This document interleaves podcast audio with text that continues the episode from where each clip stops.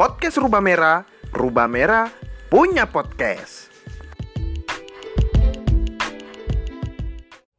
Oh ya, perkenalkan nama saya Nizar, saya sebagai moderator di sini. Di samping saya ada Mas Ardi dan sebagai kurator pameran ini dan di tengahnya ada di sampingnya lagi ada Mas Aris Dabul dari Gasruk Galeri Seni Rupa Gresik dan yang di ujung ada Mas Dwiki dari Jatim Binel 8. Kita tepuk tangan dulu untuk beliau-beliau ini dong. Ya. Terima kasih. Eh, sebagai pengantar diskusi kita malam ini, Binel Jatim eh, sebenarnya dari kata bahasa Itali kalau nggak salah, Biennale, yang artinya dua tahun sekali, dan diserap ke bahasa Indonesia menjadi biennial, artinya sama, dua tahun sekali. Dan eh, seperti judul pada acara malam ini Binel Jatim, Jatim Binel 8 itu adalah sebuah pameran atau perhelatan atau festival seni rupa di Jawa Timur yang diadakan untuk menampilkan eh, perkembangan seni rupa di Jawa Timur dan global eh, sebagai bentuk eh, apa ya sebagai bentuk pertanggungjawaban atau seperti eh, eksebisi juga untuk para perupa di Jawa Timur. ya, eh, Binel 8 kali ini sudah diadakan eh, berapa bulan ya, Pak? Lama nih. Aku lah. Ya. eh, dan eh, ditutup pada tanggal 20 Januari 2020 dimulai Desember 2019 Eh, sudah diadakan di 15 kota di Jawa Timur dan salah satunya Gresik kalau tidak salah di Gresik ada tujuh yang mengikuti. Entah itu ya tujuh kalau nggak salah. Dan di sini salah satunya. Eh, ngomong-ngomong langsung saja mas ya. Itu sebagai pengantar diskusi kita malam ini ya yang yang pengen ngerti Binel Jatim Binel itu seperti apa. Eh, mungkin pertanyaan langsung saja eh, ke mungkin ke Mas Dwiki dulu. Sebenarnya Jatim Binel 8 ini itu Jatim Binelnya itu diadakan ditujukan untuk apa dan untuk siapa sebenarnya monggo. Eh, Oke, eh, langsung aja karena pertanyaannya langsung menjurus ke Jatim Binel, ya mungkin aku akan sedikit bercerita tentang Jatim Binel, apa yang terjadi di Jatim Binel 8. Karena memang penyelenggaraannya tidak seperti Jatim Binel yang sebelumnya. Kalau ngomongin pola, eh, yang dulu-dulu mungkin Jatim Binel lebih eksklusif dalam artian ada beberapa ada beberapa beberapa orang yang me- menjadi tim lalu memilih peserta untuk ikut ke dalam eh, kegiatan itu. Tapi di Jatim Binel yang ke-8 kita coba untuk membalikan polanya yang sebelumnya eksklusif kita ubah menjadi inklusif. Bagaimana orang atau seniman atau kelompok bisa memilih dirinya untuk terlibat atau tidak tidak di dalam Binel gitu. Jadi ya emang akhirnya semua bisa apa ya bisa terlibat bisa membuat kegiatan atau bereksperimentasi dengan Binel kali ini gitu. Terus eh ya sebetulnya kalau ngomongin Binel ha- eh, yang kita lakukan yang kita lakukan ini adalah sebetulnya Binel yang apa ya bisa kita bilang kita ambil alih gitu. Karena Binel seharusnya emang berada di tahun 2019 tapi karena satu dua alasan ya yang pem- pemerintah ada masalah di sana karena tidak turun anggaran atau apa pun akhirnya kegiatan tidak berlangsung. Terus eh, saya dan beberapa teman berinisiatif untuk kenapa nggak dijalanin dan sebagainya. Akhirnya oke kita sepakat untuk melakukan menjalankan Binel dengan eh, mengumpulkan kekuatan-kekuatan kolektif kekuatan-kekuatan dari teman-teman perupa di Jawa Timur gitu. Karena eh, ya kami selalu merasa bahwasanya penyelenggaraan Binel sebelumnya adalah penyelenggaraan penyelenggaraan kegiatan yang sifatnya seperti apa ya kalau ada duit dikerjain tapi kalau enggak enggak dikerjain. Enggak mem- enggak melihat bahwasanya Binel adalah sebuah kegiatan penting untuk membaca potensi wilayah untuk ngomongin seni rupa hari ini Jawa, di Jawa Timur. Dan itu tidak pernah dilakukan secara serius menurut menurut kami gitu. Karena di penyelenggaraan sebelumnya kalau teman-teman mengikuti pasti akan selalu cepat dalam artian kenapa Binel dilakukan dua tahun? Adalah karena memang dilakukan untuk memetakan potensi wilayah. Dan dilakukan selama dua tahun biar prosesnya yang terjadi benar-benar rigid bisa tertata rapi pemetaan yang dilakukan benar dan sebagainya. Tapi di Jawa Timur tidak tidak pernah seperti itu. Saat biasanya kalau ngomongin dana baru peak tiga bulan atau empat bulan, sebelum. Setelahnya tim baru dibentuk terus baru terjadi pemilihan seniman dan sebagainya. Ya sistemnya seperti itu dan tidak pernah apa ya tidak pernah beres-beres amat gitu. Ya penyelenggaraan ya gitulah susu dan sebagainya. Mungkin kalau ngomongin presentasi pasti bagus karena ada anggaran yang besar. Tapi kalau ngomongin kontak dan konten sepertinya enggak deh juga biasa-biasa aja kalau ngomongin kalau ngomongin uh, Binel di ranah perkembangan seni rupa secara nasional atau bahkan global. Sebetulnya kegiatan dilakukan ya enggak oke-oke amat gitu. Uh, lebih lanjut lagi dalam Binel kemarin saat kami membuka form aplikasi kami benar-benar membuka seluas-luasnya untuk seniman dapat bereksperimentasi dengan tempat, dengan format kegiatan, dengan memilih seniman sendiri, kurator dan sebagainya dilakukan benar-benar terbuka, tidak ada batasan. Oh pamerannya harus gini, gini, gini dan sebagainya. Karena sebetulnya yang ingin kami bicarakan di Binel ini adalah uh, seni rupa hari ini sangat cair bisa dilakukan dengan apa pun. Sekat ruang dalam batasan-batasan yang konvensional dalam artian memiliki batas tembok sekarang sudah lebur juga.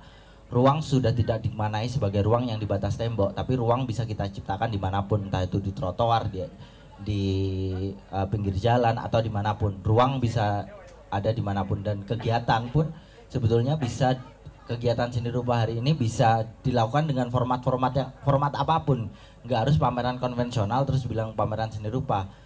Uh, pameran apa pun kegiatan apa pun jenis apa pun bahkan sekarang persinggungannya lebih tajam lagi. Ada persinggungan dengan sound persinggungan dengan uh, apa ya teatrikal dan sebagainya. Dianggaplah performan lalu persinggungan persinggungan dengan film dan sebagainya. Banyak sekali persinggungan yang terjadi tapi kurang diakomodir.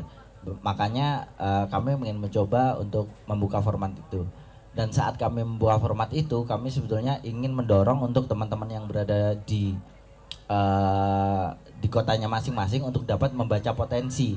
Karena saat uh, saya lumayan lumayan sering jalan-jalan dan berproses untuk bertemu seniman-seniman di Jawa Timur. Tapi sebetulnya yang terjadi adalah uh, mereka masih punya apa ya imajinasi bahwasanya mereka harus membuat kotanya seperti Jogja mereka harus membuat kotanya seperti Bandung atau Jakarta. Sebetulnya itu imajinasi yang salah gitu.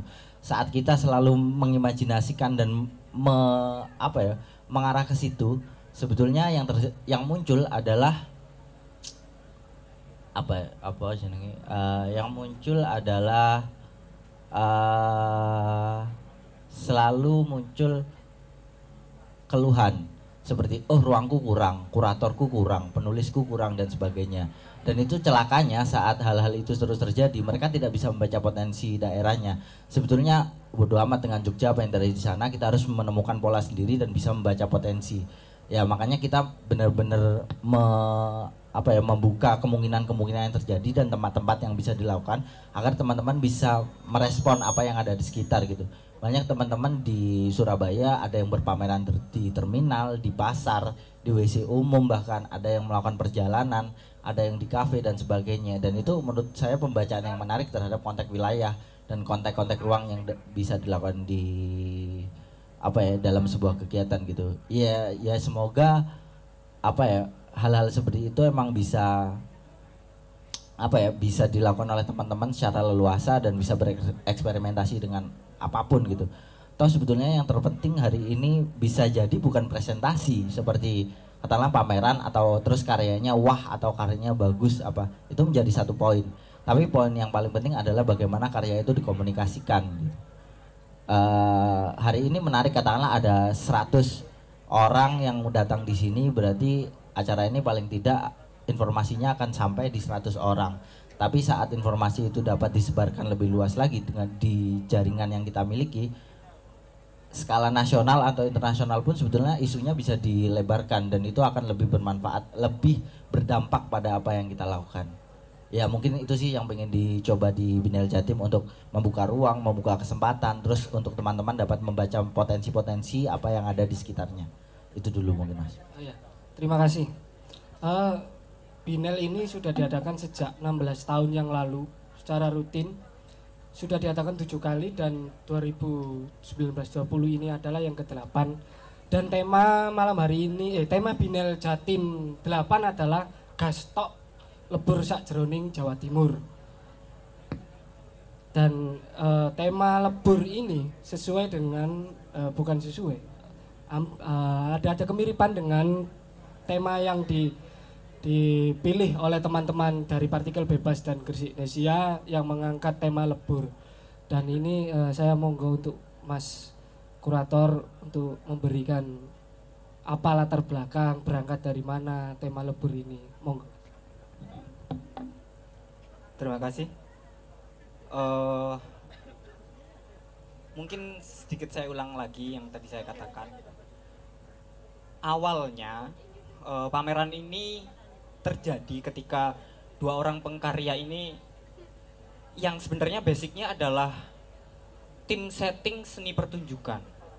Mereka tergabung dalam satu wadah di partikel bebas namanya, uh, sebuah kelompok yang fokus untuk menggarap setting seni pertunjukan. Tapi uh, berjalannya ke sini mereka juga menerima garapan-garapan dari event organizer dan lain sebagainya.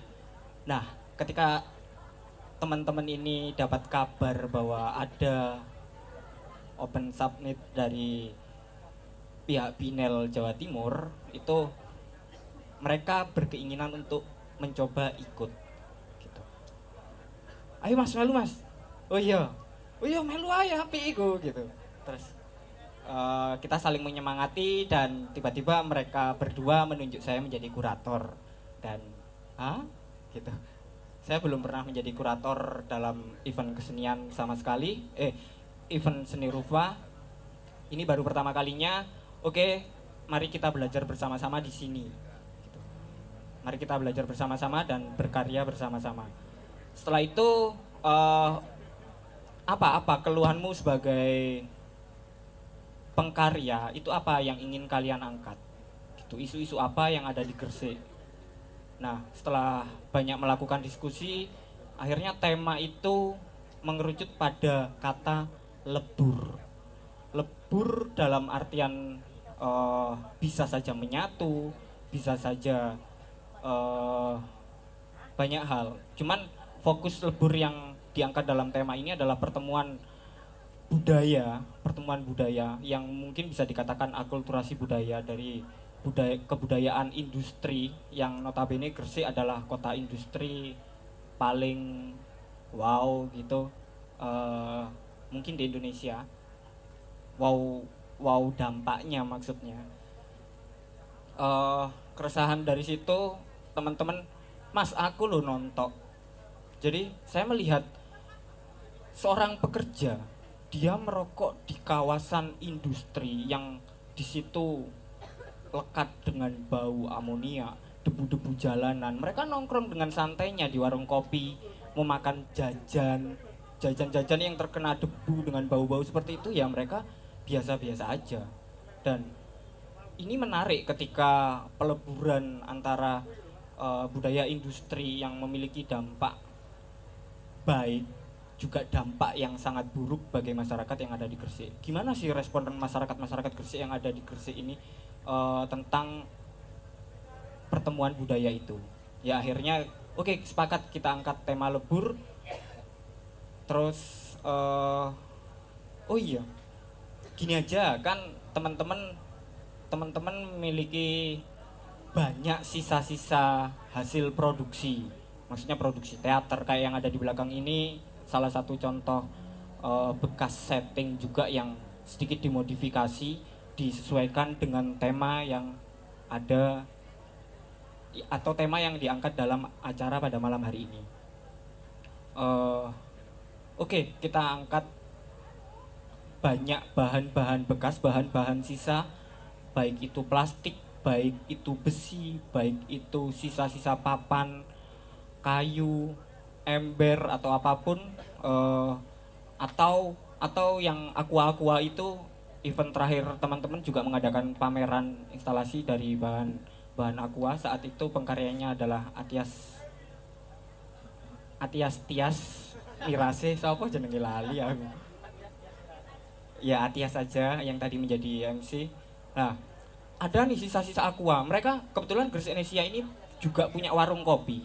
Eh, mereka bahkan bersedia mengganti para pengunjung yang datang Kal- kalian gratis minum deh datang ke sini dengan membawa botol-botol aqua atau botol-botol plastik atau sampah-sampah plastik. Jadi kalian kalian boleh bawa sampah ke sini dan kita tukar dengan minuman yang ada dan ide ini menurutku sangat eh, bagus sekali untuk pemanfaatan barang-barang barang-barang plastik yang notabene sangat susah untuk di recycle gitu. Dan ini oke kita kan punya banyak sisa aqua dan lain-lain gitu Eh, botol mineral maksud saya kita gunakan aja gitu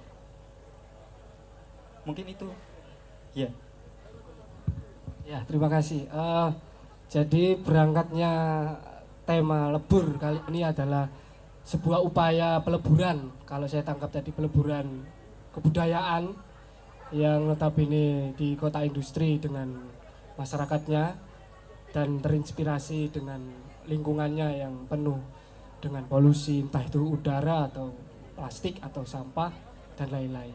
Eh, lah eh, ngomongin berikutnya tadi Mas Ardi menyinggung soal seni instalasi.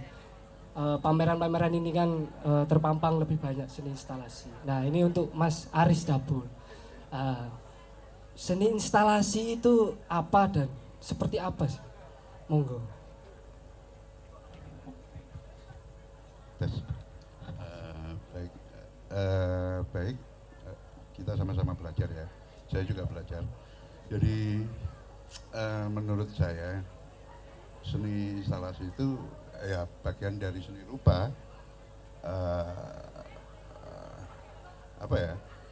Seni menginstal atau mengkonstruksikan benda yang dianggap bisa mewakili eh, ide atau keresahan pekarya atau ap- siapa mas? Dalam hal ini Mas Iqbal ya. Mas Iqbal dan siapa? Mas Bambang. Eh, yang dianggap pas untuk mewakili itu.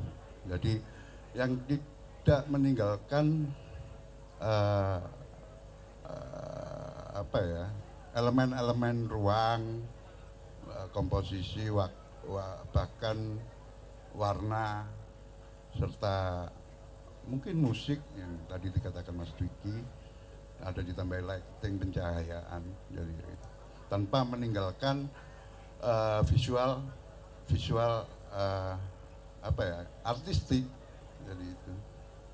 Itu menurut saya mas. Sebenarnya seni eh, instalasi listrik juga instalasi. Jadi tapi tujuannya bukan ke seninya. Dan itu itu sebenarnya jadi tanggung jawab kita semuanya bahwa kalau itu disulap menjadi indah alangkah baiknya misalnya dikasih warna atau apa bisa dinikmati. Jadi gitu. Begitu mas kayaknya. Yang saya ketahui. Ya terima kasih Eh, nyambung lagi soal seni instalasi Mas Aris Eh, situ situ Eh, kan kita lihat sem- menurut saya ya seni instalasi itu yang pernah saya lihat itu memanfaatkan bisa dibilang sampah atau limbah yang eh, berpoten- berpotensi mengotori atau mencemari lingkungan. Nah, eh, apakah sebenarnya seni instalasi itu memang memiliki dampak untuk perbaikan lingkungan atau eh, kesehatan lingkungan itu sendiri? Sedikit dari sudut pandang lingkungan itu bagaimana seni instalasi? Eh, menurut saya sih konsep dari pelaku karya ya keresahan mau itu ditangkap dan dijadikan bahan untuk perbaikan ke depan ya monggo kan gitu kecuali kita ini tadi sempat saya ngobrol sama Mas.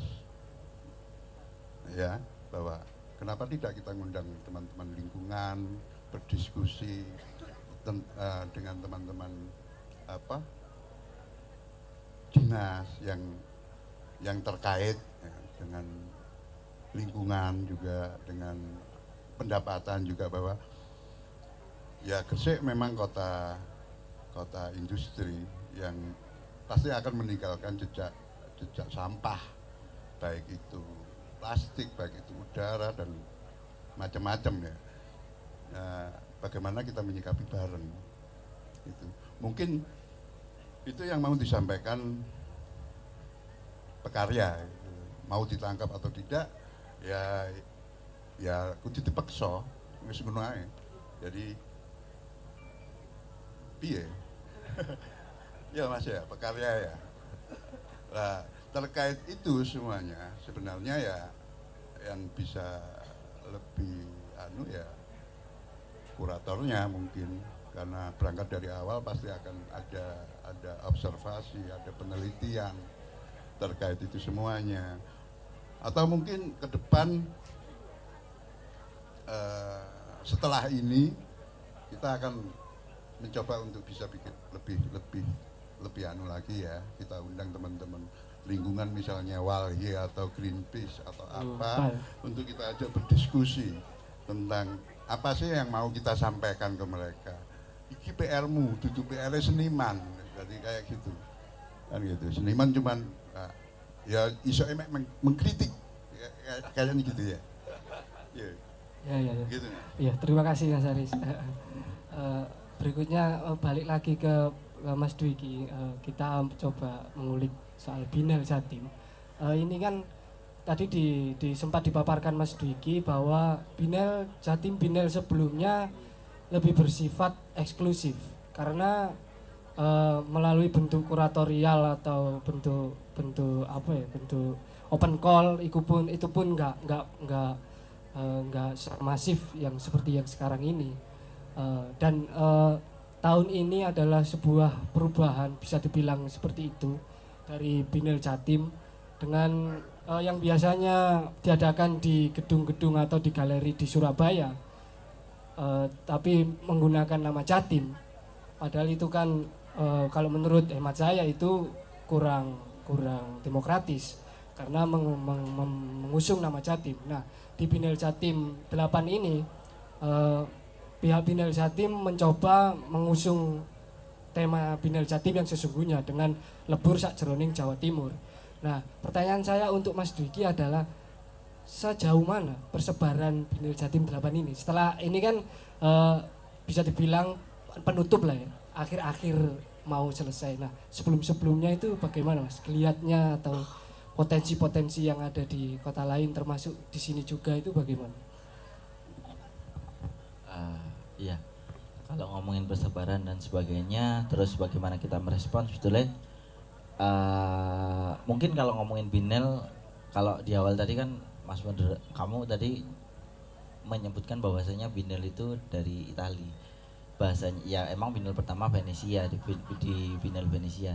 Dan sebetulnya binel itu nggak punya akar yang kuat di Indonesia. Maksudnya dalam konteks lokal binel itu tidak mempunyai akar yang kuat bagaimana dia harus berjalan dan sebagai se- eh, pakem yang ada. Sebetulnya kita bisa melewati itu dan bisa merespon itu sesuai dengan konteks-konteks yang cocok untuk dilakukan di sini. Kita nggak harus benar-benar apa ya mengadaptasi dan mengaplikasikan apa yang terjadi di barat dan terus kita adaptasi di sini karena pasti nggak relevan dan nggak cocok. Ngomongin infrastruktur juga jelas kita tertinggal ekosistem yang kita miliki juga nggak terlalu ya nggak sehat-sehat amat kalau menurut saya. Makanya kita harus membuat sebuah lompatan-lompatan yang membuat kita terbaca gitu. Kalau kita nggak pernah melompat terus kita mengekor ya kita akan dibaca tapi mungkin dalam jangka waktu yang lebih lama. Terus kalau ngomongin bagaimana respon kota-kota lain sebetulnya menarik. Kayak ya di Gresik aja ada tujuh kegiatan gitu. Terus ada di Tulungagung di Surabaya lima kalau yang tertulis sebetulnya 15 kota tapi mungkin bisa lebih dari itu karena banyak dari teman-teman yang melakukan performan di apa ya performanya melompat. Ada yang ber apa ya ada yang antar kota ada yang ada si Tuyul yang Tuyul seniman noise yang melakukan performan Tuyul ha, dia melakukan performan di beberapa kota di Jawa Timur. Sebetulnya banyak juga. Terus eh, ya akhirnya menarik saat respon dari teman-teman yang dilakukan nggak cuma pameran-pameran yang konvensional. Dalam artian mereka meminjam sebuah galeri atau tempat mereka menciptakan situs galeri baru lalu berpameran di sana enggak juga ternyata banyak teman-teman yang merespon itu dengan sangat leluasa mereka membuat eh, menggunakan tempat-tempat seperti pasar seperti terminal dan ya banyak tempat-tempat yang ya saya sendiri nggak menduga, wih arek-arek nggak ya kayak gini dan sebagainya. Kalau persinggungan di yang di Surabaya kemarin ada satu seniman yang dia sebetulnya filmmaker tapi dia sangat dekat dengan seni rupa. Akhirnya dia membuat sebuah film yang presentasinya seni rupa banget. Dia apa ya? di- Dia sebetulnya punya empat film yang idealnya empat film itu di diputar bersamaan. Jadi empat film itu ada di empat screen yang berbeda dan orang bisa melihat. Dia ngomongin itu film, tapi tata format dan displaynya itu sangat seni rupa banget gitu. Emang aspek yang yang pengen di apa ya dimainkan sama dia adalah aspek film dan seni rupa itu sendiri. Jadi dia melakukan persinggungan itu. Terus ada teman-teman Tulungagung yang mereka sebetulnya untuk merespon Binel Jatim, saya kemarin sempat ke sana, mereka merespon Binel Jatim, mereka membuat kelompok namanya Gulung Tukar. Mereka mulai bikin kegiatan tanggal 17 Desember dan berakhir di 12 kemarin dan kegiatannya sangat padat di tiap harinya ada workshop memasak, workshop menulis, lalu ada pemutaran film dan sebagainya. Dan yang menarik mereka sampai sampai diawasi oleh Intel gitu kemarin itu. Karena kemarin ya film-film yang diputar adalah film-film ada adegan yang hilang dari Petrus, lalu ada film istilah kata-kata, film biji tukul dan sebagainya. Dan adalah sat- satu seniman yang diundang adalah Mulyono. Mulyono adalah seniman asli Tulungagung, tapi dia emang dia adalah teman dekat dari Wiji Tukul, makanya dalam pengawasan gitulah. Jadi saat mereka membuat kegiatan selalu dia ulang "Eh, si Mulyono ngapain di sini? Apa apa dia jadi ketuanya apa? Enggak Pak, Mulyono cuma jadi salah satu seniman yang mendukung. Menurut saya apa yang dilakukan teman-teman dan ada bersinggungan dengan hal-hal yang seperti itu, eh ini menarik sekali, eh, menarik sekali gitu. Mengingat ya sebetulnya seperti ya di Tulungagung sendiri kalau ngomongin kegiatan yang dilakukan sebelum ini menurut saya teman dari teman-teman yang berada di sana ya pameran melakukan kegiatan dan sebagainya. Tapi dengan ada teman-teman kolektif baru ini mereka akhirnya pola-pola yang dilakukan lebih kaya gitu lebih banyak variannya dan sebagainya. Lalu ada teman-teman Pasuruan juga ada. Di Jember kemarin juga ada sa- satu pertuga- per pagelaran musik noise eh ya dari Riangka. Ya gitu sih. Banyak sih mas kalau diceritain. Ya mainnya. Terima kasih Mas. Eh, itu paling tidak memberi kita gambaran sedikit tentang Binel Jatim 8 yang sudah terselenggara sampai sejauh ini. Eh, berikutnya saya lempar ke penonton ini. Barangkali ada yang mau nanya teman-teman, barangkali mau berdiskusi bareng dengan para narasumber di depan. Barangkali ada yang mau, monggo. Siapa yang mau nitip atau memberi saran atau apa pun, monggo. Ada? Oh mas ya. Tes. Halo, assalamualaikum warahmatullahi wabarakatuh. Iya, Mas. eh, saya mau tanya ke Mas Aris dan Mas Mas Vicky. Nanti kalau awal kurator nanti tanya di belakang. Eh, Mas Aris yang pertama, Mas Aris, eh, kebetulan rangkaian Binel ini kan berbarengan dengan eh, pamerannya Pak Bupati yang terselenggara di Sukorame dan lain-lain. Eh, yang ingin saya tanyakan se- sebenarnya begini. Hari ini seni rupa di Gresik sepengetahuannya Mas Aris eh geliatnya seperti apa? Apakah ada apakah ada strategi khusus atau siasat eh, dalam eh, me- mengembangkan rupa itu sendiri? Apakah eh, dengan pameran itu sudah cukup atau ada lagi kayak gitu? terus disambung juga nggak apa-apa, Mas Nizar. Disambung ya. Ya untuk kalau ke Mas Wiki, Mas, eh, saya kan eh, seperti yang di, dikatakan Mas Nizar tadi, kalau Binil Jawa Timur yang hari ini diikuti oleh 15 kota.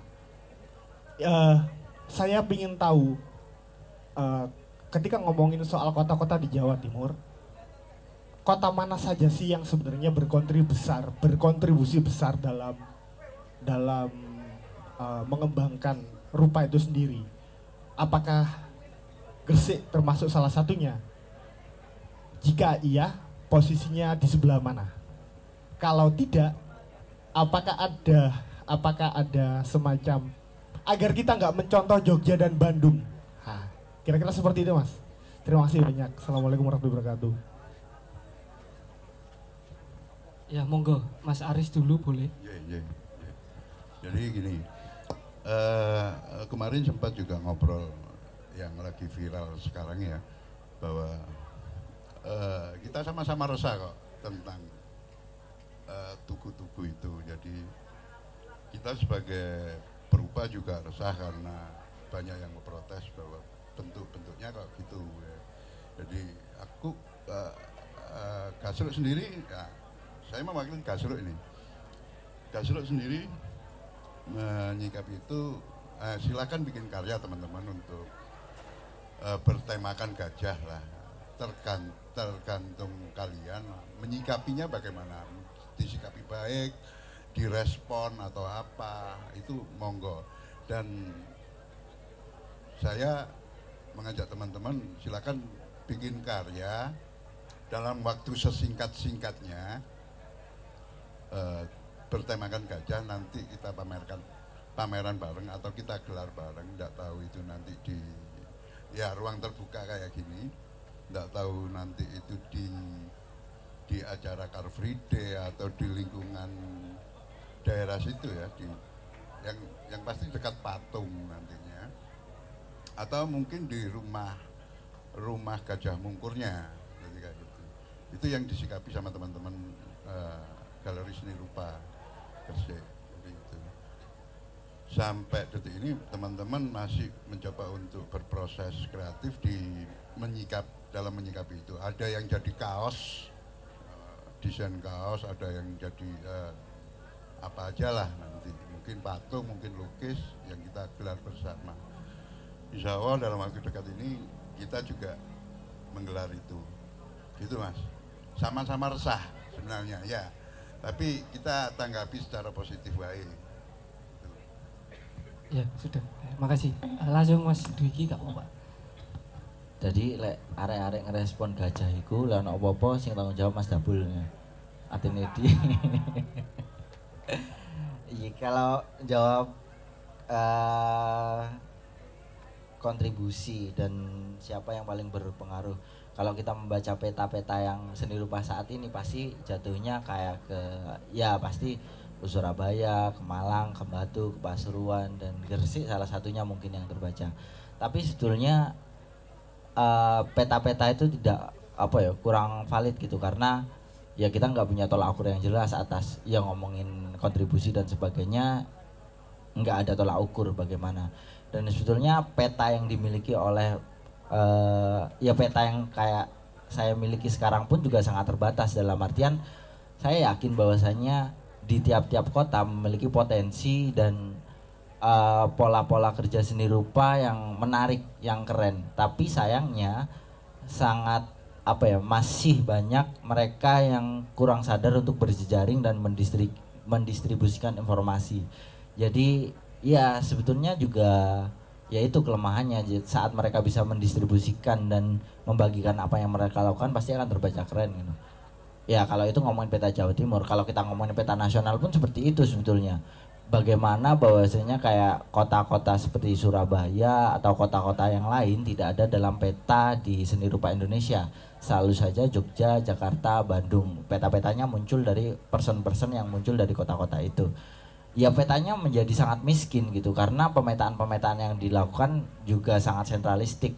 Mereka melakukan eh, membuat peta untuk ya tentu saja peta yang dibuat sangat politis untuk keuntungan-keuntungan eh, lingkaran-lingkaran itu gitu.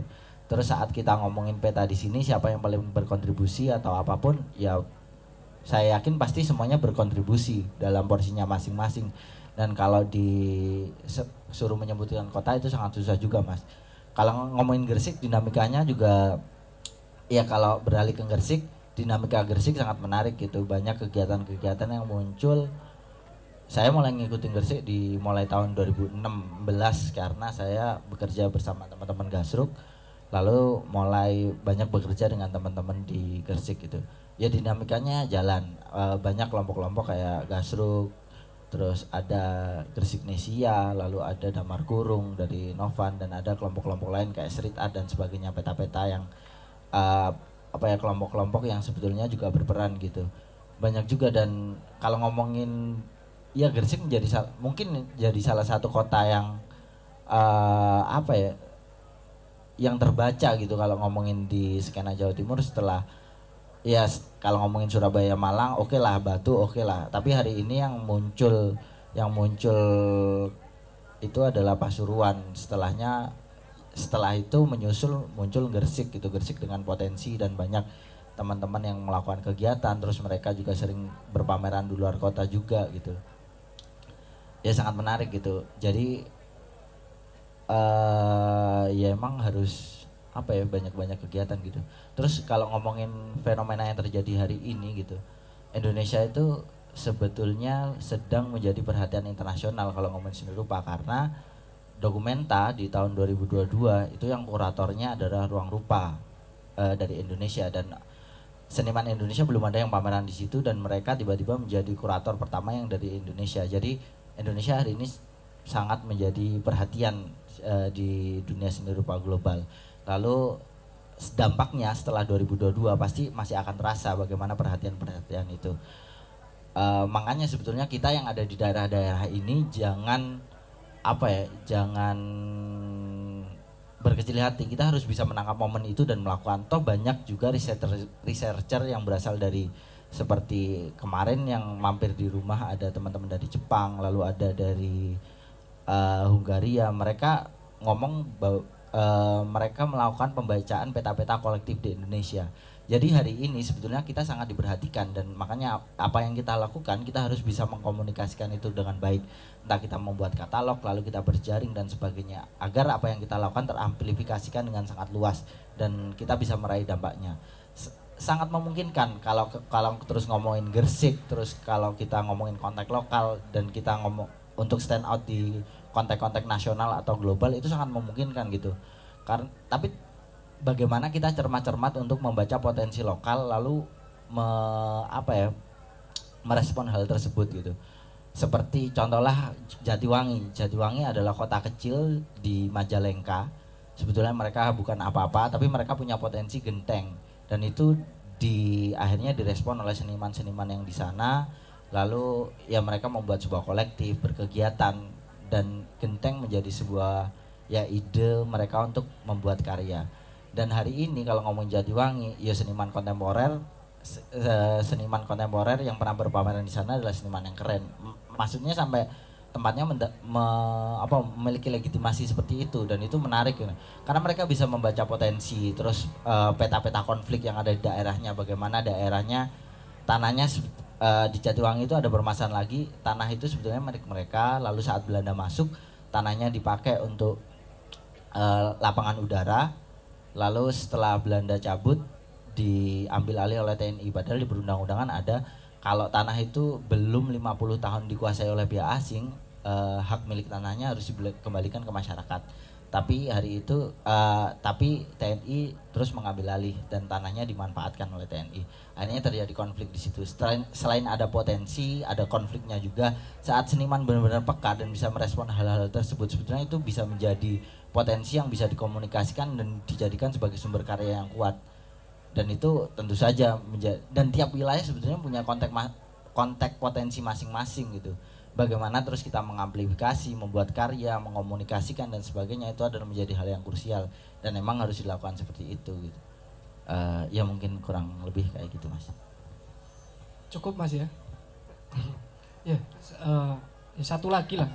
Oh ya ya monggo Mas Aris. Nah, terkait tadi Mas Mas Isrul mungkin eh, teman-teman Gasro nanti ayolah kita bersinergi dengan teman-teman Kerja Indonesia dan teman-teman yang lain. Monggo ayo iya merespon itu ya agar. Gresik bisa lebih baik ya. Amin. Gitu. Oh ya, Bijaksana. ya tangan. Iya mas, apa tambahan dikit? Sebenarnya mengapa saya menanyakan itu sebenarnya eh, saya melihat Mas Aris ini kan sebagai salah satu penggerak yang yang sangat berpengaruh. Artinya eh, tidak hanya melalui gasruknya, cuman eh, teman-teman yang tidak mengetahui seni rupa, eh, misalkan saja saya, eh, ada kebingungan-kebingungan ketika mengapa saya menyinggung soal gajah tadi. Karena eh, apakah ini bisa dikatakan dikatakan sebuah seni rupa yang karena di sosial media kan pasti gaduh banget gitu mas. Nggak bisa ditebak gitu anak sing kok membahas iki ono nilai artistik apa enggak ya kayak ngono. Anak sing bahas sejarah ono sing ngomong lain-lain nih cuman saya ingin disempitkan saja ketika eh, apakah apakah ada siasat khusus Eh, mungkin tadi udah dijawab sama Mas Aris cuman kalau ada tambahan saya ingin tahu gitu Eh, Mas. eh, Gasro itu sebenarnya galeri seni rupa Gresik. Tapi bisa juga jadi gerakan seni rupa Gresik, Mas. Jadi itu ya. Ya, terima kasih Mas. Eh, sa- satu lagi pertanyaan ya. Siapa lagi yang mau menyampaikan pendapat atau pertanyaan atau saran? Satu lagi sebelum beralih. Ada?